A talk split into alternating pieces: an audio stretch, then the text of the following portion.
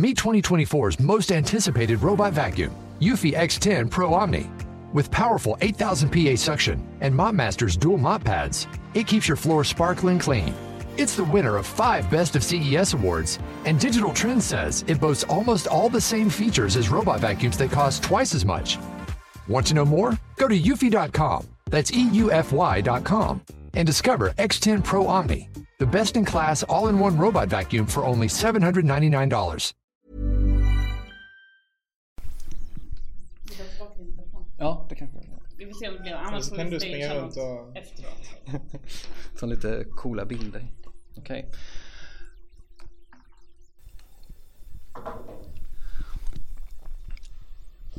Han var ett politiskt stjärnskott innan han ens börjat högstadiet och vid 18 års ålder blev han den yngsta riksdagsledamoten i Sveriges historia.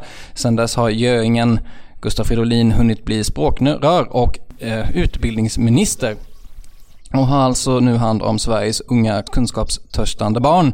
Och idag är han gäst i 24 frågor. Jag som pratar heter Karl-Anders Lindahl. Välkommen hit Gustaf Fridolin. Tack så mycket. Hur känns det att vara gäst? Det känns bra hittills. Jag har inte hört frågorna ännu. Nej, hittills känns det bra. Men då tycker jag vi bara kör igång så slipper du stå gör vi. Ja. Det är 24 frågor, en podd om politik 24 frågor med intressant gäst 24 frågor, nu drar vi igång igen Det är 24 24 frågor Fråga ett. Vad betyder Fridolin egentligen? Jo, historien jag har fått är att det är en, var en bonde eh, som hette Olin och blev ovän med släkten och gick till kyrkans moder på den tiden och bad dem att lägga till Frid i början av namnet. Så han Jaha. bröt med släkten på det Så det är inget så adligt eller någonting? Nej, men det fanns någon, eh, eller det finns en, en fantastisk diktare eh, som heter Erik Axel Karlfeldt som ska ha känt en Fridolin. I vart fall så fanns det en, en eh, litterär person i hans diktning som hette Fridolin. Okej. Spännande. Då får vi hem och läsa där då. Mm, Fråga två. Vad är det du måste, du alltid måste ha med dig när du är ute och reser? Eh, Min eh, anteckningsbok, jag är väldigt analog så jag har en anteckningsbok som jag har allt jag ska komma ihåg att göra och alla mm, presentationer man ska hålla eller saker man, ska, saker man lärt sig när man träffat någon sådär. Du, du kör inte det här anteckningsprogrammet i mobilen? Finns det ett anteckningsprogram Mm. i mobilen? Ja. Jag skulle tippa på oavsett vilken mobil du har så finns det ett anteckningsprogram i den. Mm, ja. Men det är ingenting som du Det har. kan ju försvinna. Ja, men din anteckningsbok kan ju också försvinna. Nej, det får den inte. Den Säg ju- inte den- så. den kan ju brinna upp, eller Säg vad? inte så. Fråga tre. Vilket är ditt värsta guilty pleasure? Har du någon ovana du skäms lite för? Jag tycker väldigt mycket om eh, d- dålig amerikansk film. Hur dålig ska den vara? Expendables 3 är en av de bästa dåliga filmer som gjorts. Det är den med Sylvester Stallone. Och alla andra. Jag I sett- samma jag- film. Jag har sett ettan Ja. och jag blev inte jättesugen på att se tvåan. De blir bättre. Och ettan var ju bra. Så du är lite så här grabb-action-kille? Jag tittar på, eh, men jag tittar på film där man absolut inte behöver tänka. Har Mm. en, en väldigt, eh, när, när liksom ungarna somnat och man eh, inte vill hoppa in i någon djup, eh, någon svår krimhistoria eller någon eh, djup eh, dokumentär så är det fantastiskt. Mm. Jag har samma fast jag kollar på dåliga sitcoms istället. Mm. Men det är väl ungefär samma antar jag. Men då kommer vi faktiskt in på det här. För fråga fyra är vilken, är, vilken var den senaste filmen du såg? Eh, men det, just just eh, nu följer jag en, en serie som heter Preacher. Eh, senaste filmen jag, som är en eh, tecknad serie från början som gjorts om till, till eh, sitcom är väl helt fel ord. Gjort om till Netflix-serie på någonting annat än Netflix. Eh, senaste filmen jag såg var eh, det var Fight Club som jag såg om för kanske 30 gången. Håller den? Ja, Ja. man ser nya bottnar varje gång. Var det någon speciell sak du lade märke till den här gången? Jag vet inte om det var den här gången eller förra gången men det eh, finns ett tillfälle eh, eh, när eh, Tyler Durden åker rulltrappa ganska tidigt i filmen där man faktiskt kan eh, fatta att han inte är på riktigt. Är det något snabbt klipp där Ja, eller? är snabbt tips. Det är my- mycket sånt i den filmen. Fråga 5. Vad är det första du lägger märke till när du träffar en ny person för första gången? Menar du om man är hemma hos en person eller om man liksom springer på en person? Hemma hos en person vet jag vad jag gör. Då, då springer jag alltid fram till bokhyllan på ett sånt där oerhört trevligt sätt istället för liksom Kolla om dina böcker är på- där. Ja, men, ja, just det. Kolla om mina böcker är där annars så st- stoppar jag in dem. Jag har, all- jag har inte lyckats sälja alla utan jag har alltid... Nej men jag tycker det är jätteintressant vad människor läser. Men om man träffar någon på stan och sånt, ja. Jag tänker mer... Du har ju ett jobb där man träffar väldigt mycket folk. Ja. Och en del är det väl kanske väldigt bra om man minns namnet på och sådär. Är det något speciellt du tittar efter? Något i ögonen eller hur, kläderna eller? Nej, jag, jag har nog inga knep att dela med mig av tyvärr. eh, Men någonting man märker väldigt snabbt faktiskt är ju om man kan få igång ett, ett samtal, inte minst i skolvärlden, man kan få igång ett samtal om skola på riktigt.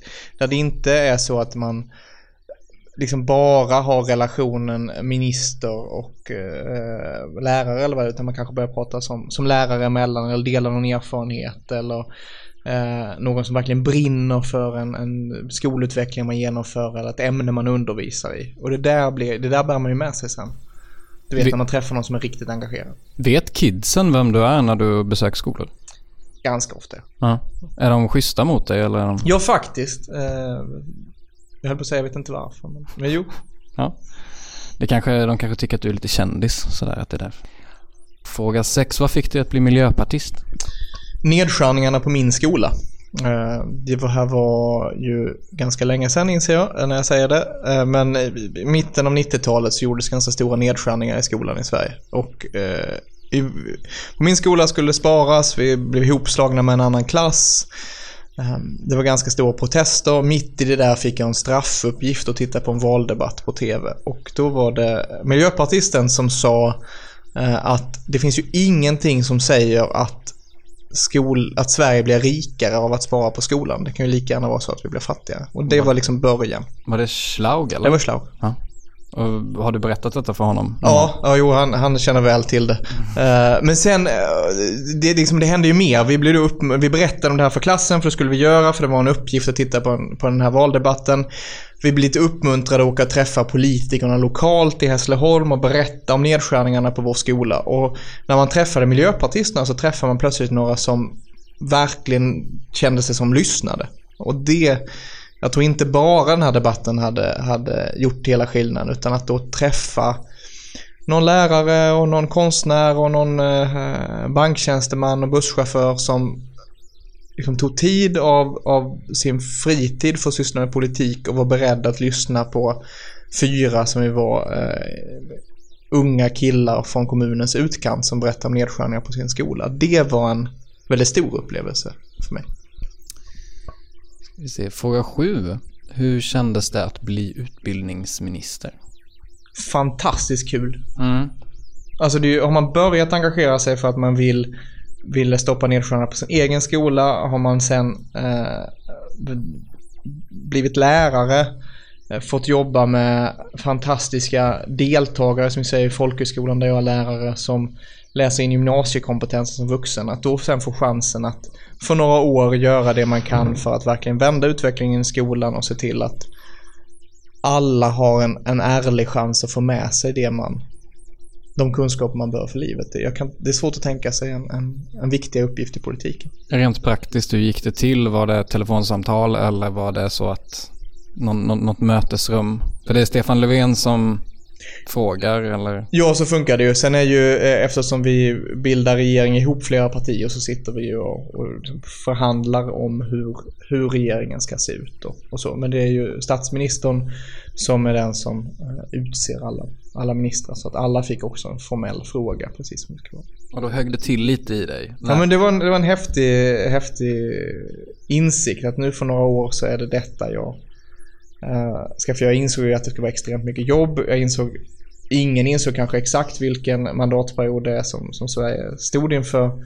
Men att få göra de här förändringarna. Alltså nu inför vi en läsa, skriva, räkna-garanti som kommer göra jättestor skillnad för att elever redan i lågstadiet får det där extra stödet som gör att man kan knäcka koden och inte behöva gå till 8 9 innan man får det hjälp man egentligen har rätt till redan från början. Att få göra det, det är klart att det är, det är helt fantastiskt. Fråga 8. Vem var du själv i skolan?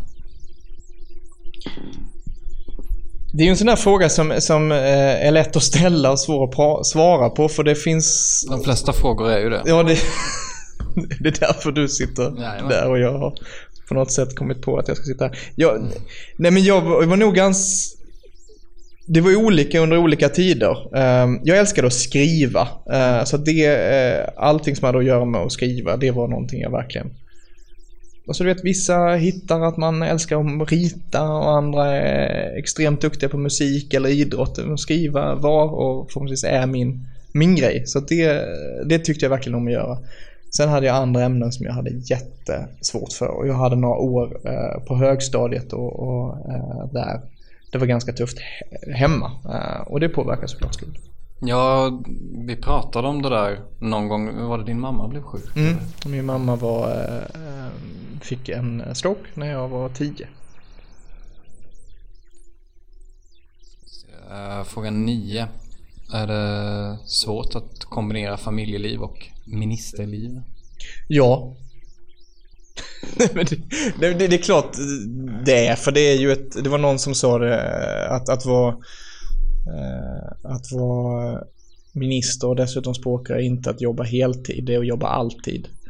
Ehm, och i någon mån är det så, men jag lär mig mer och mer att veta att kunna stänga av telefonen och liksom kunna fokusera helt på familjeliv vissa tider. Sen är det ju så att vara miljöpartist innebär också att man har bestämt sig för att det här inte är det man gör hela livet utan man har ett förtroendeuppdrag för en tid. Vi har en rotationsprincip och det där blir också ett sätt att, att veta att jag kommer ha ett liv som har massa andra eh, avvägningar och tidstjuvar och, och svårigheter för det har alla liv men det är inte ett ministerliv eh, senare. Nej, jag tänker... eh, jag pratade med en kompis om det här häromdagen och jag tänker det här med just med att vara minister. Att du säger att du stänger av telefonen men du har alltid en telefon som är på, eller hur? Eh, och du kanske kan ta en öl på fredagskvällen men kanske inte två eller tre. Och du måste tänka på var du är och hur kontaktbar är du och sådär. Är inte det, kan inte det vara väldigt påfrestande? Jo, ja, men det är klart att det kan. Um, och det, det, det finns saker i det här livet som man jättegärna hade velat kunna välja bort som kommer med det. Men um, men så är det ju faktiskt med de allra flesta jobb och allra flesta eh, liv. Att det, liksom, det har sina för och det har sina nackdelar. Och att få vara med och göra de här förändringarna som jag verkligen, verkligen tror på och tror kan göra skillnad, det är, fan, det är fantastiskt. Och samtidigt veta att eh, det är nu jag gör detta. Det kommer komma en tid då jag undervisar på heltid igen och det tycker jag är helt det tycker jag också är en helt fantastisk sak att få göra. Så att det, det, det gör att man ändå kan hitta någon slags distans till det som, som gör att det fungerar. Fråga 10. Är du bra på att laga mat? Nej, Inte alls. Nej, jag, har, eh, jag är duktig på uh, spaghetti och uh, kornfärssås eller uh, något så. Det, det tycker jag är duktig på. Har du något speciellt? eh, För det kan vara svårt att få till kryddorna där. Mm. Kryddar mycket. Ja, Jag har välsignats med, med två barn som faktiskt gillar stark mat och det, Ja, okej. det är tur. det är bra. Då kan, man, då, kan man, då kan man dölja mycket av annan Ja. smak. Det är väldigt bra. Fråga 11. Vem är absolut roligast i regeringen? Eh, det är eller var eh, Ygeman. Är det sant? Ja, ja. Eh, På vilket sätt då? Vi har väl, det, det handlar väl om att man upptäcker att man har ungefär samma humor ibland. Ja. Så någon annan skulle säkert svara någonting annat. Vi har, han var ju med i avsnitt 10 och då fick han samma fråga. Och då sa han Alice Bah Kuhnke. Mm, mm. Eh, Men han blir Det säkert var ju jätteglad. taskigt att han inte sa mig då, det känns ju... Ja, jobbig stämning. Ja, men eh, han, han, Jag han, tycker i alla fall att vi har en bra personkemi. Han har uppenbarligen en annan uppfattning. Nej, han, han sa det faktiskt att han hade inte en tanke på dig. Det det. Faktiskt. Nej, nej, vad skojar. Ja. Eh, Fråga 12. 2011 så blev du språkrör, 28 år gammal. Då hade det snackats om dig ganska länge och det fanns ganska stora förväntningar på dig. Kände du en stor press? Ja, eller i vart fall så här att jag visste ju, jag visste ju vem jag var. Eh, och då visste man också att det finns, att det fanns liksom saker som, som eh, skulle vara på ett annat sätt än vad folk eh, trodde och förväntade sig. Ehm, man, eh, och sen har vi ju tagit Miljöpartiet genom en liksom ganska tuff resa. Eh, Både in i de bästa val vi, bland de bästa val vi någonsin har gjort. eh, Men också in i regering för första gången med allt vad det innebär. Eh, Och då, då prövar man verkligen. Har du någon gång, har du någon gång eh, ångrat att du inte väntade några år till? Nej, ehm, jag tror inte man, jag tror inte man kan planera liv på det sättet. Jag gick tillbaka till politiken eh, efter att ha gjort lite andra saker, um, pluggat till lärare och så. Eh, därför att då eh, skedde ju precis samma nedskärningar igen, det här var under finanskrisen, som det hade gjort på 90-talet när jag engagerade mig första gången. Eh, och då var det helt naturligt att då, då, då, vill jag, då vill jag liksom göra någonting åt det, jag vill gå tillbaka och försöka ändra riktning på det. Um, och det är ju det som jag sen har jobbat med.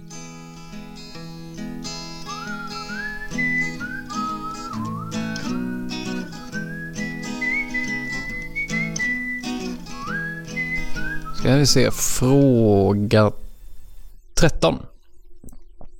2002, ännu lite tidigare, så satt du, om jag inte är helt fel här nu, så satt du med i Miljöpartiets förhandlingsgrupp som skulle göra upp med regeringen eh, Persson i regeringsfrågan efter valet 2002. Då var du 18 år gammal. Hur fixar man det att gå in i ett rum med de här gamla sossarna? Alltid retar det någon, tänker man. Och så kör man på. Alltså det är det som gör politiken lite annorlunda än, eh, än andra jobb eller verkligheter. Det är ju att eh, jag ha, hade ju då förtroendet från mitt parti och från mina väljare och det kunde ju liksom ingen annan förhandla bort. Blev du förvånad när du fick det förtroendet? Ja, det kunde jag det kunde jag vara. Det var ju ett, eh, jag ställde ju upp ett provval som det heter när man röstar i ett parti vilka som ska stå på riksdagslistan. Mm. Och, alla som sett en riksdagslista vet ju att de är väldigt mycket längre än hur många som blev valda. Och jag tänkte ju att jag skulle stå någonstans på listan för att kunna vara ute på skolor och säga kryssa här på, på nionde eller Mm, tionde mm, plats där jag står. Eh, och sen ja, plugga vidare. Men eh, då gick det väldigt bra i det här provvalet. Det förvånade mig. Men det var ju roligt och då har man liksom tjatat ett gäng år om att det är viktigt att unga engagerar sig och det är viktigt att unga kan få förtroende och att det måste finnas både yngre och äldre i politiken. Och så fick man det förtroendet, så kunde man liksom inte säga oj det här var inte det jag tänkt mig, nu, nu backar jag undan, utan då fick man ta det. Men då sa jag ju också att jag sitter en period och sen tänker jag eh, göra något annat. Så då kandiderar jag inte valet efter. Är det inte lätt att få hybris? När man är, för att när man är 18-19 så kan man få hybris av i stort sett vad som helst. Och jag tänker att om man kommer in i riksdagen och får förhandla med Göran Persson så det kan det bli ännu värre. Ja, sen är han ju inte världens lättaste att förhandla med. Nej, så att skulle man få hybris så skulle han väl genast utnyttja det och stoppa ner den på marken. Fråga 14, vi var inne på det lite innan. Men ångrar du någonting i din pol- politiska karriär? I så fall kommer det eh, på pensionsdagen. Jag tror det är jättesvårt att under tiden man är aktiv gå runt och, och ångra saker på det sättet. Man kan vända och vrida på det för att lära sig mer, men att gå runt och ångra det, det Tired of ads barging into your favorite news podcasts? Good news. Ad-free listening is available on Amazon Music for all the music plus top podcasts included with your Prime membership. Stay up to date on everything newsworthy by downloading the Amazon Music app for free or go to amazon.com slash news ad free. That's amazon.com slash news ad free to catch up on the latest episodes without the ads. Nej, det, det funkar inte. Utan när någonting inte blir som man hade velat eller hoppats och det händer. Då får man liksom kämpa vidare för att hitta andra vägar att nå, att nå samma mål. Fråga 15. Du har ju hållit på med det här sen du var väldigt ung och du kommer förmodligen vara en offentlig person resten av ditt liv, även om du lämnar politiken. Du kommer liksom alltid vara Gustaf Fridolin. Hur, hur ser du på det i framtiden? Nej men det är, ska jag verkligen erkänna, det är ett av eh, minusen med det här. Alltså du, du går ju inte in i ett ungdomsförbund eh, efter nedskärningar på din skola för att du tror att det här, det här gör jag så kommer jag bli känd. Eh, utan det, man engagerar sig, man säger vad man tycker och man står upp för det man tror på. Eh, och sen har det kommit som en, som en konsekvens av det. Och att det har ju liksom det är aldrig valt. Jag kan fortfarande vara ganska obekväm inför att när man går på en, en fest, de flesta av mina vänner eh, sysslar med andra saker än politik. Då har alla liksom redan en uppfattning om mig utan att jag träffat dem innan. Eh, det, det var lite därför jag flyttade ifrån en liten by. Eh, nu kan jag lika gärna flytta till en liten by och kan jag trivas där. Eh, och det, nej det, det är liksom en av sakerna man får ta med. Förhoppningsvis, eh, om du nu tycker det är jobbigt så kommer det väl bli lite bättre med åren antagligen. Men Nej men så är det ju. Att, att, eh, det är ju en väldigt speciell sak nu såklart när man är, eh, är minister och bär det förtroendet och, och eh, det hela tiden finns någonting att, eh, prata om. Och jag har inget emot när människor liksom kommer och snackar politik. Det tycker jag bara är kul. Jag, politik är ett av mina stora intressen i livet. Jag tycker det är mm. jättekul att höra människors erfarenheter eller hur man kan göra saker. Inte minst på skolområdet för det liksom brinner jag verkligen för. Mm. Det är inte grejen. Utan det är mer det här att folk utifrån vad de har hört eller sett eller tänkt har liksom en massa uppfattning om hur man ska vara och vem man ska Det kan jag tycka är lite. Fråga 16. Vilken är den absolut jobbigaste utmaningen i svensk politik idag skulle du säga?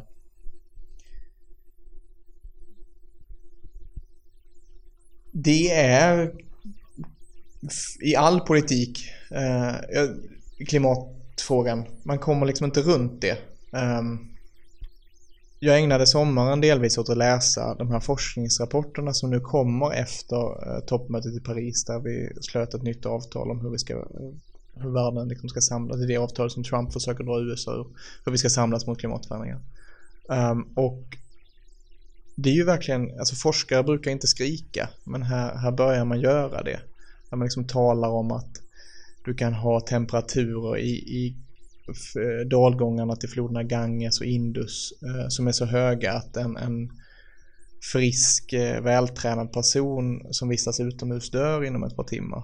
Eh, och där bor en femtedel av jordens befolkning. Eh, och det här är liksom en fara som vi står inför inom det här seklet, ja kanske i värsta fall inom de allra närmsta decennierna. Ehm, och enda chansen att, att lyckas göra någonting åt det här, det är att vända utvecklingen nu.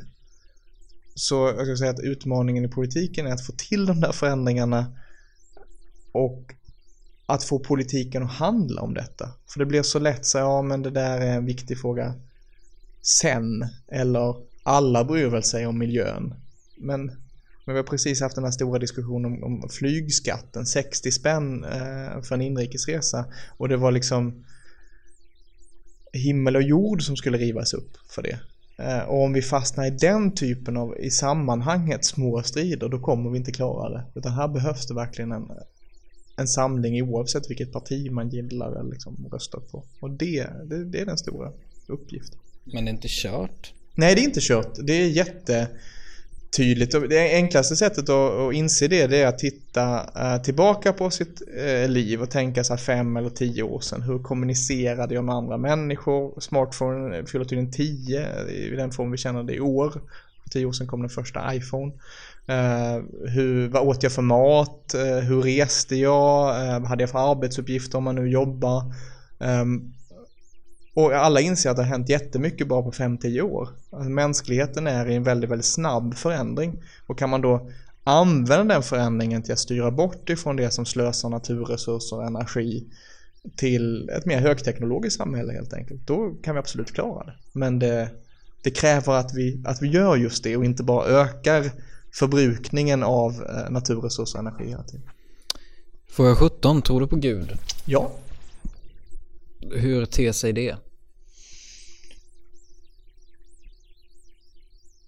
Jag tror gudstro är en ganska en ganska privat eh, sak, eller för mig är det det. Eh, Så att för mig är frågan eh, ja, men lite liknande en annan typ av relation. Att om du får, Oj, nu ringer det.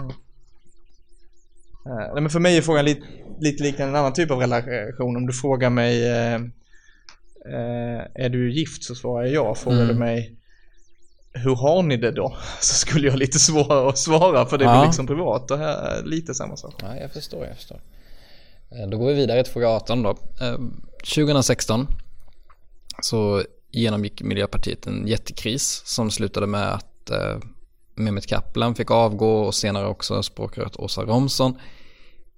Det har inte gått sådär, det känns som att det här är hundra år sedan. Men det har bara gått lite drygt ett år. Hur ser du tillbaka på den tiden idag?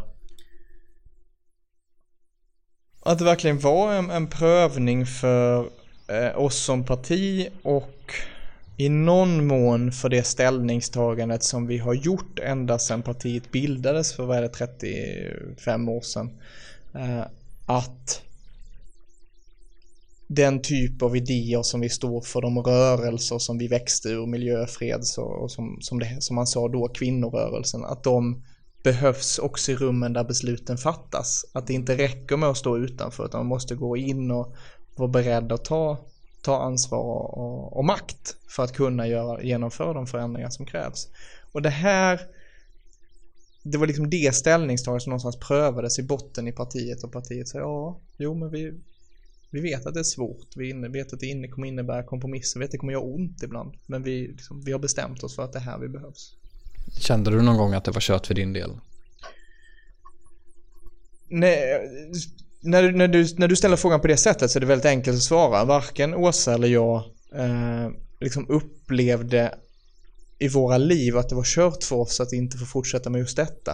Eh, det är liksom en av de sakerna som, eh, som väldigt tydligt förenade oss under de fem år som vi var eh, språkare. Att vi tycker det är fantastiskt att få ha den här uppgiften men som människa är man ju någonting, någonting annat. Så om det är så att partiet söker sig vidare så skulle det liksom vara helt okej med mig. Och det var också därför att när det här verkligen behövde bli prövat, ställningstagande, strategin behövde bli prövat, så var det inga, var det inga svårigheter för oss att, eh, att ställa den frågan också om oss till partiet. Du var kanske beredd att gå in och verka på något annat sätt då, låter det som. Ja, eh, jag hade, hade man kommit fram till det så hade jag i gr- grunden ett förtroendeuppdrag i riksdagen och då hade jag försökt slutföra det. Just det, fråga 19. Skulle du gå med på att leva utfattig och ensam och frusen resten av ditt liv om det gjorde att du fick rädda Östersjön?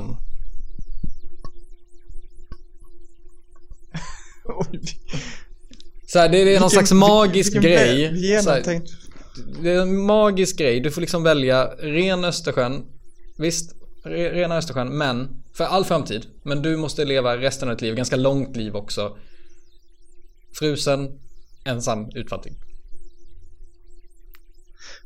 Alltså det finns ju inga, det, det, det intelligenta med den frågan är ju att det finns inga rätt svar på den frågan. För utifrån, ett, utifrån liksom ett, ett moraliskt perspektiv så skulle väl de flesta eh, vilja svara ja på den frågan.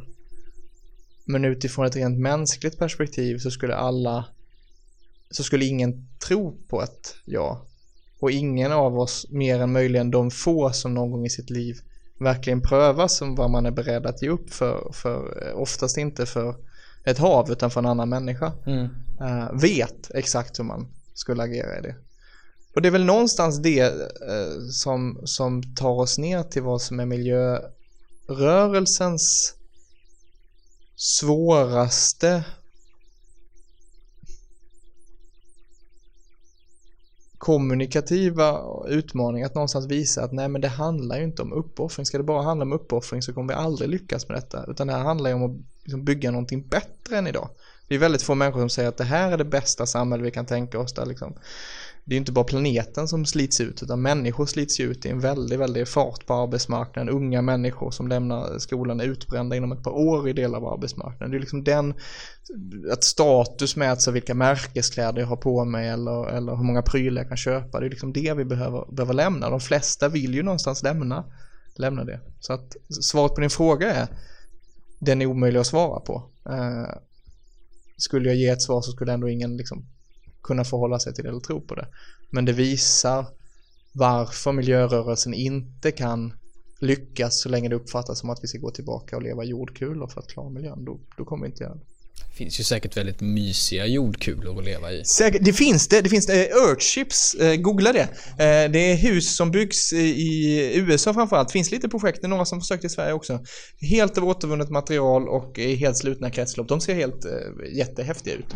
Svårt att bygga som ett helt samhälle då. Det, det, det kanske blir lite svårt. Man kanske bygger jordkulor på andra jordkulor. Ja, jag vet inte. Ja, vi, får, vi får jobba på det här. Um, fråga 20.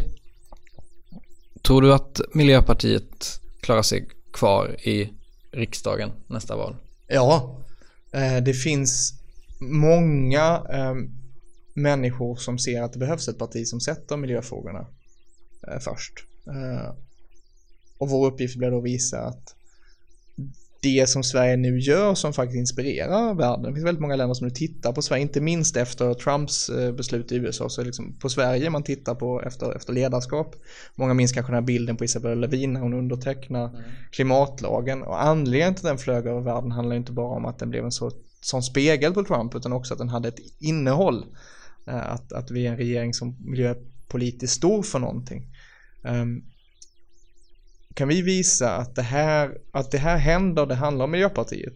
För att det som fyller det här med innehåll, det är ju sånt som fortfarande andra partier vill säga nej till eller prioritera bort och skära ner. Då är jag övertygad om att det finns en, en rätt stor del av svenska folket som kommer vilja är, rösta på oss. Är du någonsin orolig? Nej, inte för, inte för Miljöpartiet på det sättet. Det jag kan vara orolig för är när vi misslyckas med att miljöfrågan får den tyngd det behöver i debatten. Det kan jag vara orolig Fråga 21. Och... Nu ler han innan han ställt frågan, det är inte så. Och det här är en fråga som jag faktiskt velat ställa i flera år, men Ja. aldrig fått chansen. Fråga 21. Vad hände med Alfen Alf? ja, det ligger i ett antal skrivböcker i en matkällare skulle jag gissa. Bara för att recapa här, du var med i Junior Jeopardy Ja. när du var 12. Ja. Du vann inte, du gick till fredagsfinalen, men du vann inte. Nej. Och när Magnus Härenstam frågar vad du gör på fritiden, då har du skrivit en bok som heter Alfen Alf. Ja. Kan du bara recap, lite sådär kort, vad handlade boken om? Ah, Det var väl något, något eh, fantasy-försök. Så där, vad är man? Man var väl 12, sa du det? Ja, det kan du nog Ja, ja. ja. Så något, eh, jag tror det började som en skrivuppgift i skolan och så blev det något liksom fantasyförsök i massa olika skrivböcker. Hur var det att komma tillbaka till skolan när man nästan hade vunnit Junior Jeopardy? Eh, Eftersom hälften av pengarna enligt regler skulle gå till eh, klassen så var det väldigt bra att komma Ja, tillbaka okej. till skolan. Okej. Jag tänkte också på en annan sak. Det så jag, jag kikade på det här klippet häromdagen och då eh, satt min eh, flickvän bredvid och hon är från Tyringe. Ja, ganska grattis! nära din. mm. Och hon sa att du har väldigt stark Göinge-dialekt där. Mm.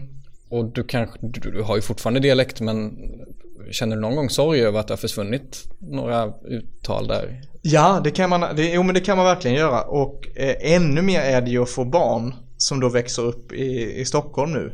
Eh, eller utanför Stockholm där vi bor. Eh, och liksom ibland, det roliga är ju när sexåringen som är nu lär sig skånska ord. Men uttalar dem på stockholmska för det blir fullständigt obegripligt. Som vadå till exempel?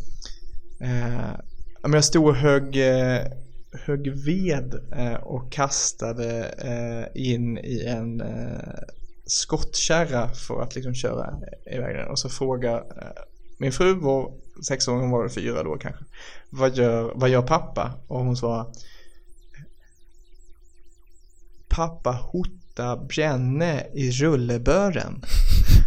Det låter fruktansvärt. Det, ja, det, det här är ju liksom tre skånska ord på varandra. Hotta, bränne och rullebör. Ja. Som plötsligt uttalas på ett sätt som, som är liksom mord på språket.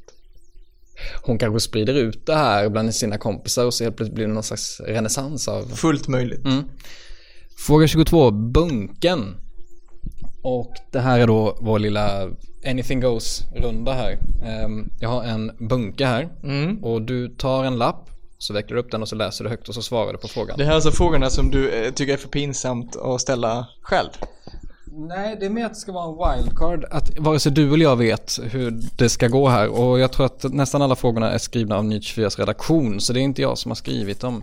De flesta i alla fall. Jag tar en här. Det ser ut som sån här lyckokaka. Mm. Vilken film skulle du vilja spela huvudrollen i?